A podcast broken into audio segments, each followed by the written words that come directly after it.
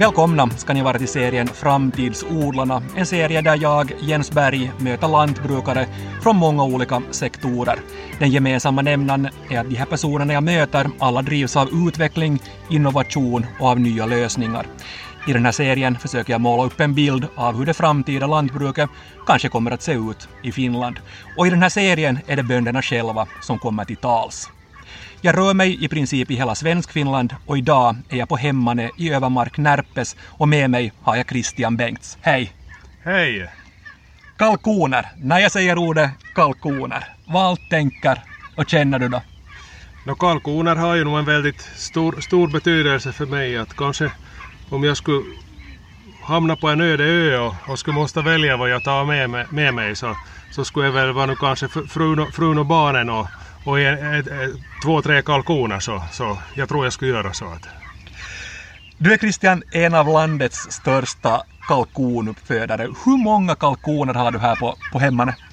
No, nu just så, så har vi här och in, in, inomhuskalkoner som vi, som vi säljer till säljer till industrin så har vi, har vi 26 000 och så har vi drygt 2 000 nu här på, på, på bete, våra, har våra ängskalkoner. Att, att det är ju, eh, Eh, kalkoner uppföds i omgångar och, och det betyder att, att det kommer kycklingar, kycklingar till gården och så, så föder man upp den här omgången.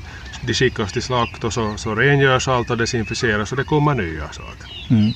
Och det som vi hör i bakgrunden här hoppas jag så är de ängskalkoner, de frigående ängskalkoner som finns här bakom oss och de ska vi tala, tala om ganska mycket här idag. Men först, först är jag nyfiken, hurdana djur är kalkonerna? Va, vad skulle du säga att karaktäriserar dem?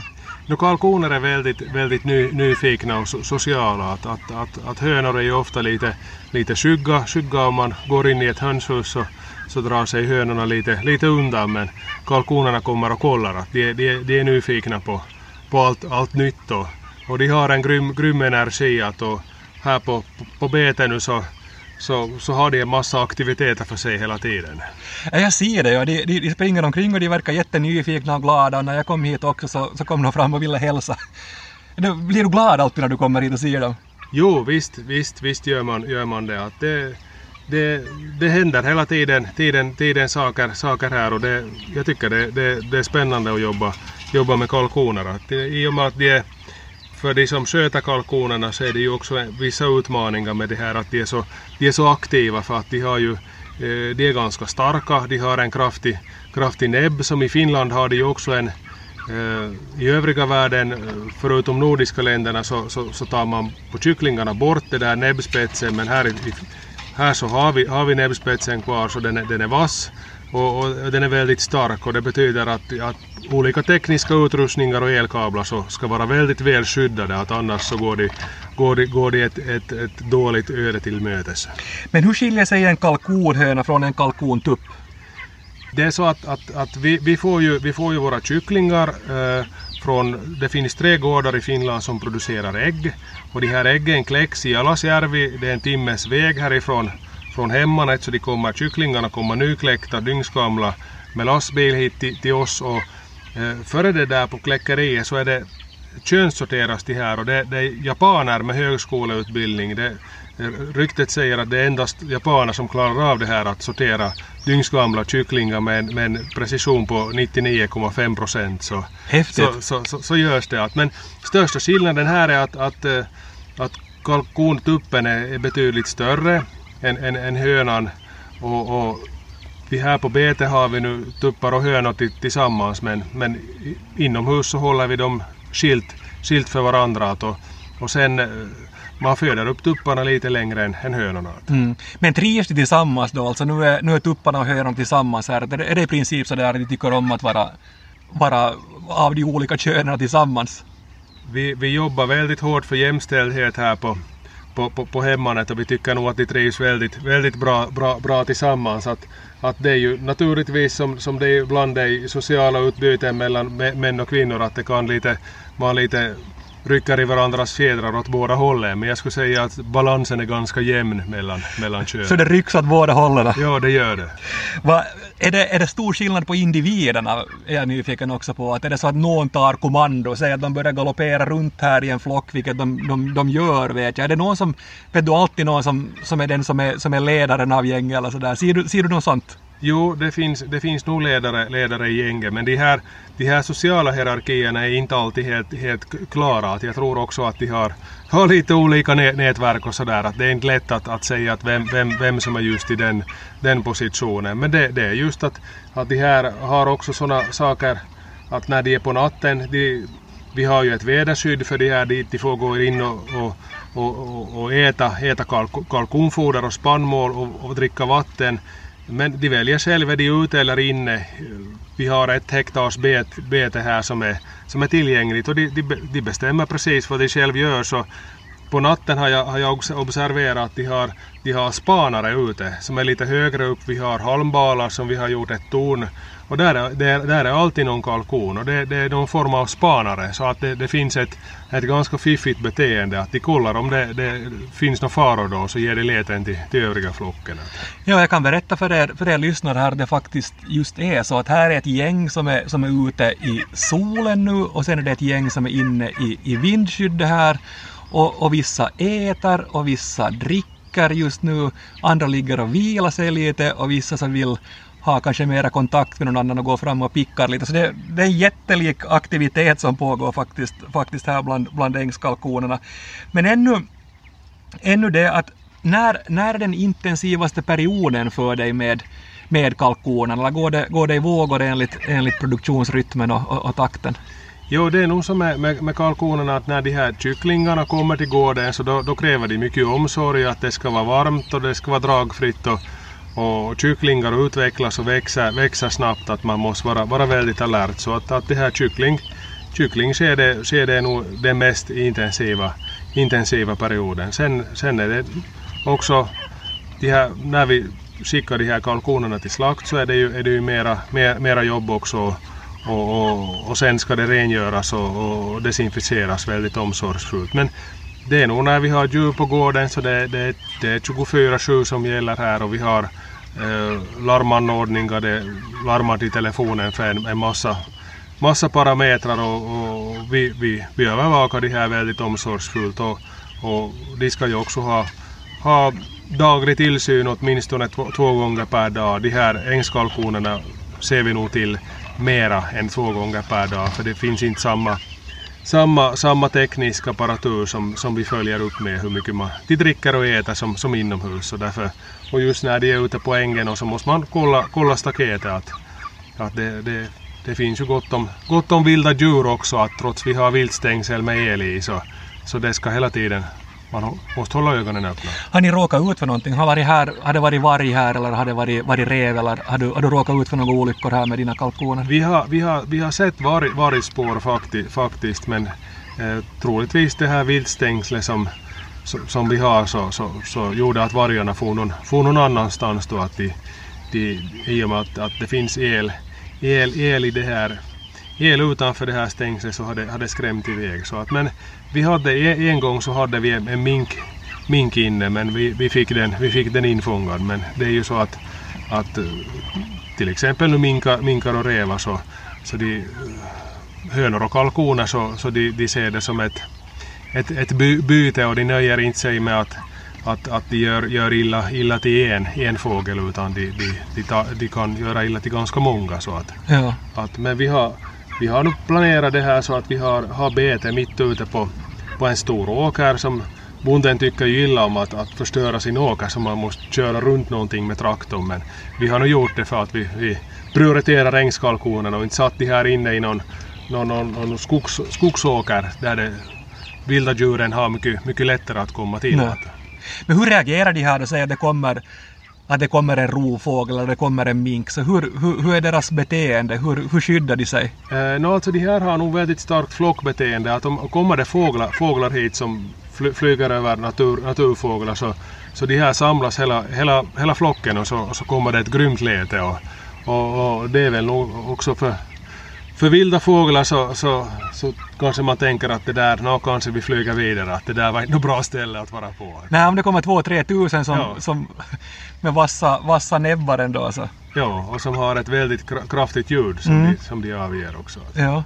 Fast nu är de ganska tysta. Är de, är de alltid så här tysta eller brukar de ha mera, mera ljud? Eller de säger de ju lite saker nu nog. Ja, no, de har väl, det är lite sådana som vi är dåliga på i Finland, small talk, så hå- hå- håller de väl på med nu just. Men de kan nog ha mycket, mycket högre ljud än så här. Men det är väl också lite det, nu är det just, det är ju väldigt varmt och det är lite egentligen siesta, men jag tycker det är bra pådrag här trots det. Att, Men en, en sån fråga ännu, ännu Christian till dig. När, när tycker du att kalkonkött är som godast? Alltså för egen del så, så är nog kanske de där höjdpunkterna är ju nog jag lagar alltid på julafton en, en, en, en hel, hel ängskalkon i ugnen och, och, och jag tycker nog när man tar, tar fram den så är det som allra bäst. Men vi har nog också, vi grillar mycket, mycket kalkonkött, att vi, vi gör mycket hamburgare och sånt så, så både grillat och det här jul så, så det är nog mina favoriter. Men om du, om du jämför skillnaden mellan kalkon och vanlig höna i smak för någon som, som ännu inte har upptäckt kalkonen, så vad, vad skulle du säga att är största skillnaden? No det är ju att, att, att, eh, att broiler, broiler eller, eller, eller höna, så det, det smakar ju det smakar ju höna på riktigt men, men kalkon har inte den, den, den smaken. Och så är kalkonkött också lite, lite olika. Att om det, det är bröst, kalkonbröstfilé så, så det, det är väldigt, det är väldigt fett, fettsnålt men det har bra smak och bra näringsämnen. Och så finns det ju också på kalkon som lårkött som är, är rödare kött som, som är, är väldigt pop sådär i, på- i många andra länder. Att man, och vi, vi använder själva också mycket lårkött som vi, som vi äter. Men är det, är det skillnad på smak mellan de traditionellt uppfödda kalkonerna och sen de här ängskalkonerna som vi, som vi tittar på, på just nu? Känner du skillnad på smaken mellan dem? Eh, ja, jag, jag skulle säga att jag upplever att det, att det, det, det är mera, mera smak i de här, i de här ängskalkonerna. Att, att jag har ju, har ju som inte kanske vetenskapliga belägg för det här men, men eh, det finns kanske aningen mera, mera fett i det här köttet. Att, att eh, alla våra kalkoner på gården är ju frigående, också de som är inomhus så går, går, går också fritt. Men, men, men de här ängskalkonerna motionerar ju desto, desto mer, att de springer ju helt otroligt här och av och an och, och, och det gör att de äter lite mera och det där kanske ger lite, lite mera fett och, och jag, jag, jag tycker att det är mera, mera smak faktiskt i dem. Framtidsodlarna är idag i Övermark hemmane i Närpes och jag sitter här med kalkonuppfödaren Christian Bengts. Varför blev det kalkoner för dig här? Eh, no, alltså bakgrunden till det här är att, att, att det här är min, mina föräldrar drev den här gården, gården före, före mig och, och de hade länge haft eh, svinproduktion och Eh, det var 1999 så, så började man se att, att över att bygga ut kalkonproduktionen i Finland och då var det så att, att, eh, att vi skulle ha måste antingen då satsa på, på ett nytt svinhus eller, eller något annat. Och, och, och då frågade, frågade mina föräldrar om jag, om jag är intresserad då och fortsätter. Jag var nu ännu, jag studerade, studerade i Vik till, till agronom då i, vid, vid, vid det laget och jag sa nog att jag, jag är intresserad och fortsätter och då, då byggde vi första första det här kalkonhallen här 90, 99 och, och, och på den vägen har det blivit då så att Mm. Och hur länge har du haft äh, de här free range ängskalkonerna? Eh, De här är nu det är sjunde året som vi, som vi har, de, har de här. Att vi, vi, vi testade första, första 2013. Så att. Mm. Men man kan ändå, eller man kan inte ändå, utan man kan säga att du är en verklig pionjär inom, inom det här området. Varifrån, varifrån får du din kunskap? Att om man ser, ser nu på, på free range kalkonerna som inte alls vanligt i, i Finland, så varifrån får du impulserna och tankarna och den nya kunskapen? No, jag, jag brukar nog söka, söka mycket från, från andra, andra länder. Att, att, eh, jag har ett visst, visst nätverk av kontakter man har samlat, samlat under året, åren också. När vi skulle börja med de här kalkonerna så fick jag en, en fransman på besök hit som är verklig expert på kal, kalkoner. Han har PhD och alltihopa på, just på kalkoner. Och, och så därifrån kom det mycket tips. Och, så jag har, jag har också varit och sett i, till England på, där har man långa traditioner just med de här free, free range. Att man har, redan på 1500-talet så, så förde man, gick man från Manchester med kalkoner in mot London. London så att där, där finns, finns långa, långa traditioner. Men är det, då, är det då Frankrike och England i Europa som är de största nationerna eller, eller var, var skulle du säga att det, att det finns flest free range kalkoner om vi börjar i Europa? Jo, där, där, där är det nog mest utbrett. Så är det nog också i USA finns det, finns det mycket, mycket, mycket free range också. Att, att det kräver, kräver väl kanske lite, det kräver både utrymme och eh, i alla länder är det kanske inte riktigt, riktigt möjligt att göra det här. Och jag tänkte ju att eh, vi ville, i och med att vi hade kalkonproduktion, ville vi bygga upp en gårdsförsäljning och då tänkte jag att no, men vi, gör, vi testar det här free range och, och, och samtidigt starta gårdsförsäljning. Och, och, det har varit väldigt intressant, intressant resa det här att den här kunskapen och råden som jag fick i början så var, var inte alltid helt som man har måste tillämpa att vi har ju lite annat väder och så att den där franska kalkonexperten så jag frågade honom att hur gör man till natten med kalkonerna så Eh, ska man ta in dem i det här väderskyddet som vi har att, att hu, hu, så sa han jo ta in dem i väderskyddet att Ja men hur gör jag? Och han sa att no, men det är ju bara att tänd lampan i väderskyddet så kommer det ju dit. Men här är det ju när, när det är midnattssolen eller nästan midnattssolen så är det nu ingen skillnad. Så att jag, jag tänkte nog att vi kallt, kallt testar att, att man kan ju tre, bra också vara själv ute på sommar, sommarnatten så varför kan inte kalkonerna också vara och det har, det har funkat jättebra. Så franska, franska kalkondoktorn hade inte riktigt pejling på, på midsommar i ömarken? Nej, nej, han hade väl inte besökt oss den tiden kanske.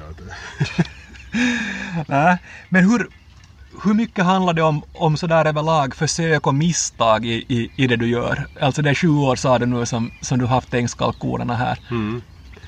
Nu, nu, är det, nu är det i försök, men, men jag har nog ofta de här försöken, försöken förankrade för, för jag, har, jag har också som experter på, på husdjursuppfödning, jag har veterinärer som, som är jätteduktiga på, på fjäderfä som jag, som jag oftast bollar de här idéerna. Så det, det, det, det finns nog någon hypotes när vi, när vi testar så, så jag skulle nog säga att det mesta har gått bra. Att, att det, ibland måste man göra finjusteringar. Så. Mm. Det är säkert många nu som lyssnar på, på vårt samtal och, och funderar på att, att börja med något, med något helt nytt. Kanske inte då kalkoner men, men någonting inom sin, sin bransch eller sin, sin näring. Vilka, vilka tips så generellt ger du när man ger sig in på någonting sånt här som du har gett dig in på som, där du ändå är en banbrytande pionjär i Finland? Eh, no, det, det är nog det där att man ska närma, närma sig saker med väldigt öppet sinne. Och, eh, nätet och, och, Google och Youtube och allt sånt här. Och jag, jag brukar också ibland ha några no, no, no idé, idé, idékvällar på vintern när det eh, är kallt och snöstorm ute. Så sitter man med datorn och så, så googlar på sådana här amerikanska grejer som går lite djupare och, och, och gräva. Så där, där, där, hittar man intressanta saker skulle jag säga. Att man kan också förstås hitta på helt nya saker men, men oftast är det ju bättre, eller så kan man också ta någon, något som finns inom lantbruk, livsmedelsproduktion någonstans kanske förädla den där idén lite och anpassa den hit så att, att, att jag tycker det är rätt väg att, att tar man som etablerade kanaler och har någon riktigt fin idé så är det inte ofta någon som säger att det här går inte för, för det är som det är som grundinställningen det att, att, att det, det, de ska man sen inte prata med i första skedet utan etablerade experter kan man sen bolla med och så ska man ta det med en nypa salt vad de säger och kanske korrigerar man sin plan enligt det vad de säger men man, man stryker inte om man själv, själv ser potential i det. Hur ser trenderna ut överlag när det gäller finländarnas konsumtion av fjäderfä nu höna, höna kalkon? Eh, alltså broiler och kalkonköttkonsumtionen eh, för de här så, så, så, så har ju ökat, speciellt broiler, broiler mycket. Att, att kalkon har kanske ökat aningen mindre men det, det, det, är fast på att man är, man är inte så duktig, duktig i Finland nu på att för, förädla de här produ produkterna från, från industrins sida. Men jag har hopp om att man, man också tar kalkon, kalkon starkare med i, med i sortimentet. Men, men som sagt att, att, att uppåt pekar nog de här konsumtionskurvorna och det gör det också i, i andra övriga länder så jag, jag ser inte att det här är en utveckling som stannar av. Att det här vita, vita köttet har, växer sig starkare. Men hur ser, hur ser efterfrågan ut om vi ser på, på, på ängskalkonerna här, här nu? Direktförsäljning har ni också. Är det, går allt till direktförsäljning av, av de free, free range kalkoner du har här nu bakom dig? Jo, alltså vi, vi säljer, vi har, vi har nog som nisch så att vi säljer till en del delikatessbutiker men vi har inte som jobbar med, jobbar med butikskedjor för, för jag tycker att det, det, är roligt att jobba med de här ängskalkonerna och, och, och, och de här stora butikskedjornas inköpare så de tycker jag inte är roliga så, så de, de, får, de, får, de får arbeta med andra än med mig så, så men istället så tycker vi jättemycket om att, att, att vi, vi, vi jobbar, jobbar, jobbar direkt med, med, med kunder och, och delikatessbutiker och restauranger som, som verkligen bryr sig om råvarans ursprung och det här det, det, det, det är mycket trevligt. Mm. Så jag hör på dig att det är ganska stor prisskillnad då mellan direktförsäljning av frigående ängskalkoner och de som du sen har traditionellt uppfödda? Eh, visst, visst, visst är det så att, men det, det är också mycket mera arbete och eh, det är också risker att hur lyckas man med försäljning och så, sånt. Men vi har nog arbetat fram det här med, med, med direktförsäljningen och vi har många som, som har en tradition att de hämtar en julkalkon från oss och vi, vi strävar till att, att, att, att göra det här så, så, så bra så att, att våra kunder kommer igen och, och gärna också berätta för sina vänner att men är det så i princip att, att alla ängskalkoner du har så är i princip bokade för, för jul redan när, när säsongen drar igång så att säga? No, vi, vi vet ju att vi har, vi har många, många stamkunder men nu, nu är det ju sådär att vi, vi marknadsför oss som, som närmare, närmare julen så att, att nu tar vi också, också en viss risk. Man kan inte säga att allt är, allt är så, sålt här. Att, att skulle man kanske göra avtal med någon affär så skulle man kunna ha, ha mera, mera att för i Finland så är det ju så här att de här st stora affärerna köper ju sitt kött no, no, ett år på förhand eller något sånt men, men jag är nu inte riktigt intresserad av den biten utan det här är som en nisch, nisch som vi gör och det kräver hårt arbete och, och anpassning men, men det är vi beredda att göra. Så att. Framtidsodlarna är idag på Hemmane i Övermark Närpes och jag sitter här med kalkonfödaren Christian Bengts. Jag tänkte avsluta med att blicka framåt lite grann med, med dig. Hur, hur tror du att utvecklingen kommer att se ut när vi talar om kalkonproduktion i kalkonuppfödning i, i Finland? Jag, jag, tror att kalkonproduktionen kommer att, att, att öka, öka i Finland, att, att det, kommer, det kommer nya, nya, nya produkter och det kommer, kommer, att, kommer att vara på stigande. Att de här, dels det vita köttet, hälsotrenderna driver, driver, driver på det här så att, att konsumtionen av kalkon är ganska blygsam om man ser på, på många andra liknande länder som, som Finland idag. Mm. Men har du, har du här i trakten, när vi talar, talar Övermark, Närpes, sådana som hör av sig till dig och funderar att ja, det som Bengts håller på med, det skulle man nog kunna, kunna börja med. Är det sådär att, att, att kompisar eller obekanta ringer och säger att hej, att, att, att skulle det löna sig att börja med det här? Uh, no, inte in direkt. Jag, jag, tror nog att vi har rykte om att vi, vi, vi är lite, lite, lite halvgalna med mycket nya idéer här på hemmanet. Så det, det, det, är inte så många här i närområdet i alla fall som att de tänker väl hoho, vad håller de nu på med igen? Så att det, det är kanske mera, mera så att eh, jag skulle nog säga att det där eh, vi har nog fått några kontakter och men, men det, det är ju också att det, det är inte helt enkelt att, att börja, börja till exempel att producera ängskalkoner. Det, det, det, är många bitar som ska följas på plats och i och med att vi har, vi har, har erfarenhet av kalkoner från tidigare och, och, och så bortåt så har det här varit mycket lättare att, att starta upp. Mm. Nu ställer jag en sån här filosofisk fråga till dig. Vad tror du att kommer att påverka kalkonproduktionen mest i framtiden. Säg vi tar ett perspektiv på, på 5-10 år. Vilka saker är det? Är, det? är det miljödiskussionen, klimatdiskussionen? Är det regelverk? Är det konsumenternas efterfrågan? Är det prisutvecklingen? Eller vad, vad, vad tror du att det är? Eller är det allt det här? Eh, no, jag, jag, tror ju nog att alla de här, alla de här sakerna, sakerna på, påverkar oss. Men men jag, jag, jag, tror ju, jag tror ju också, också det här med att vi, vi, vi kommer att se, se saker att ändras med kanske handel.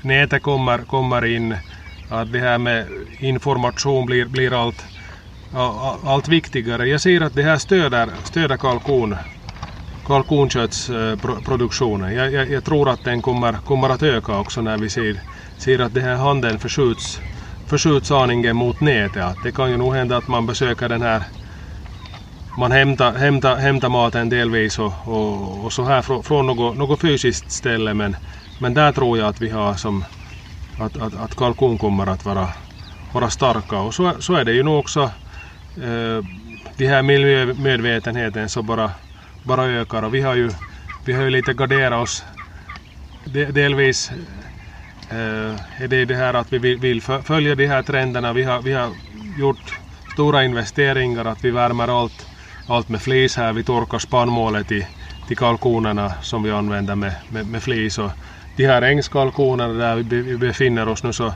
så vi har solpanel här. Att det, det är helt självförsörjande med, med el och, och vi har också planer på att, att mera solpaneler på, på gården. Så, så det här ska nog hela tiden effektiviseras. Så vi ser nog hela tiden över våra processer att så lite, lite energi som, som möjligt. Vi har investerat mycket i produktionen, vi har, vi har fått ner det här.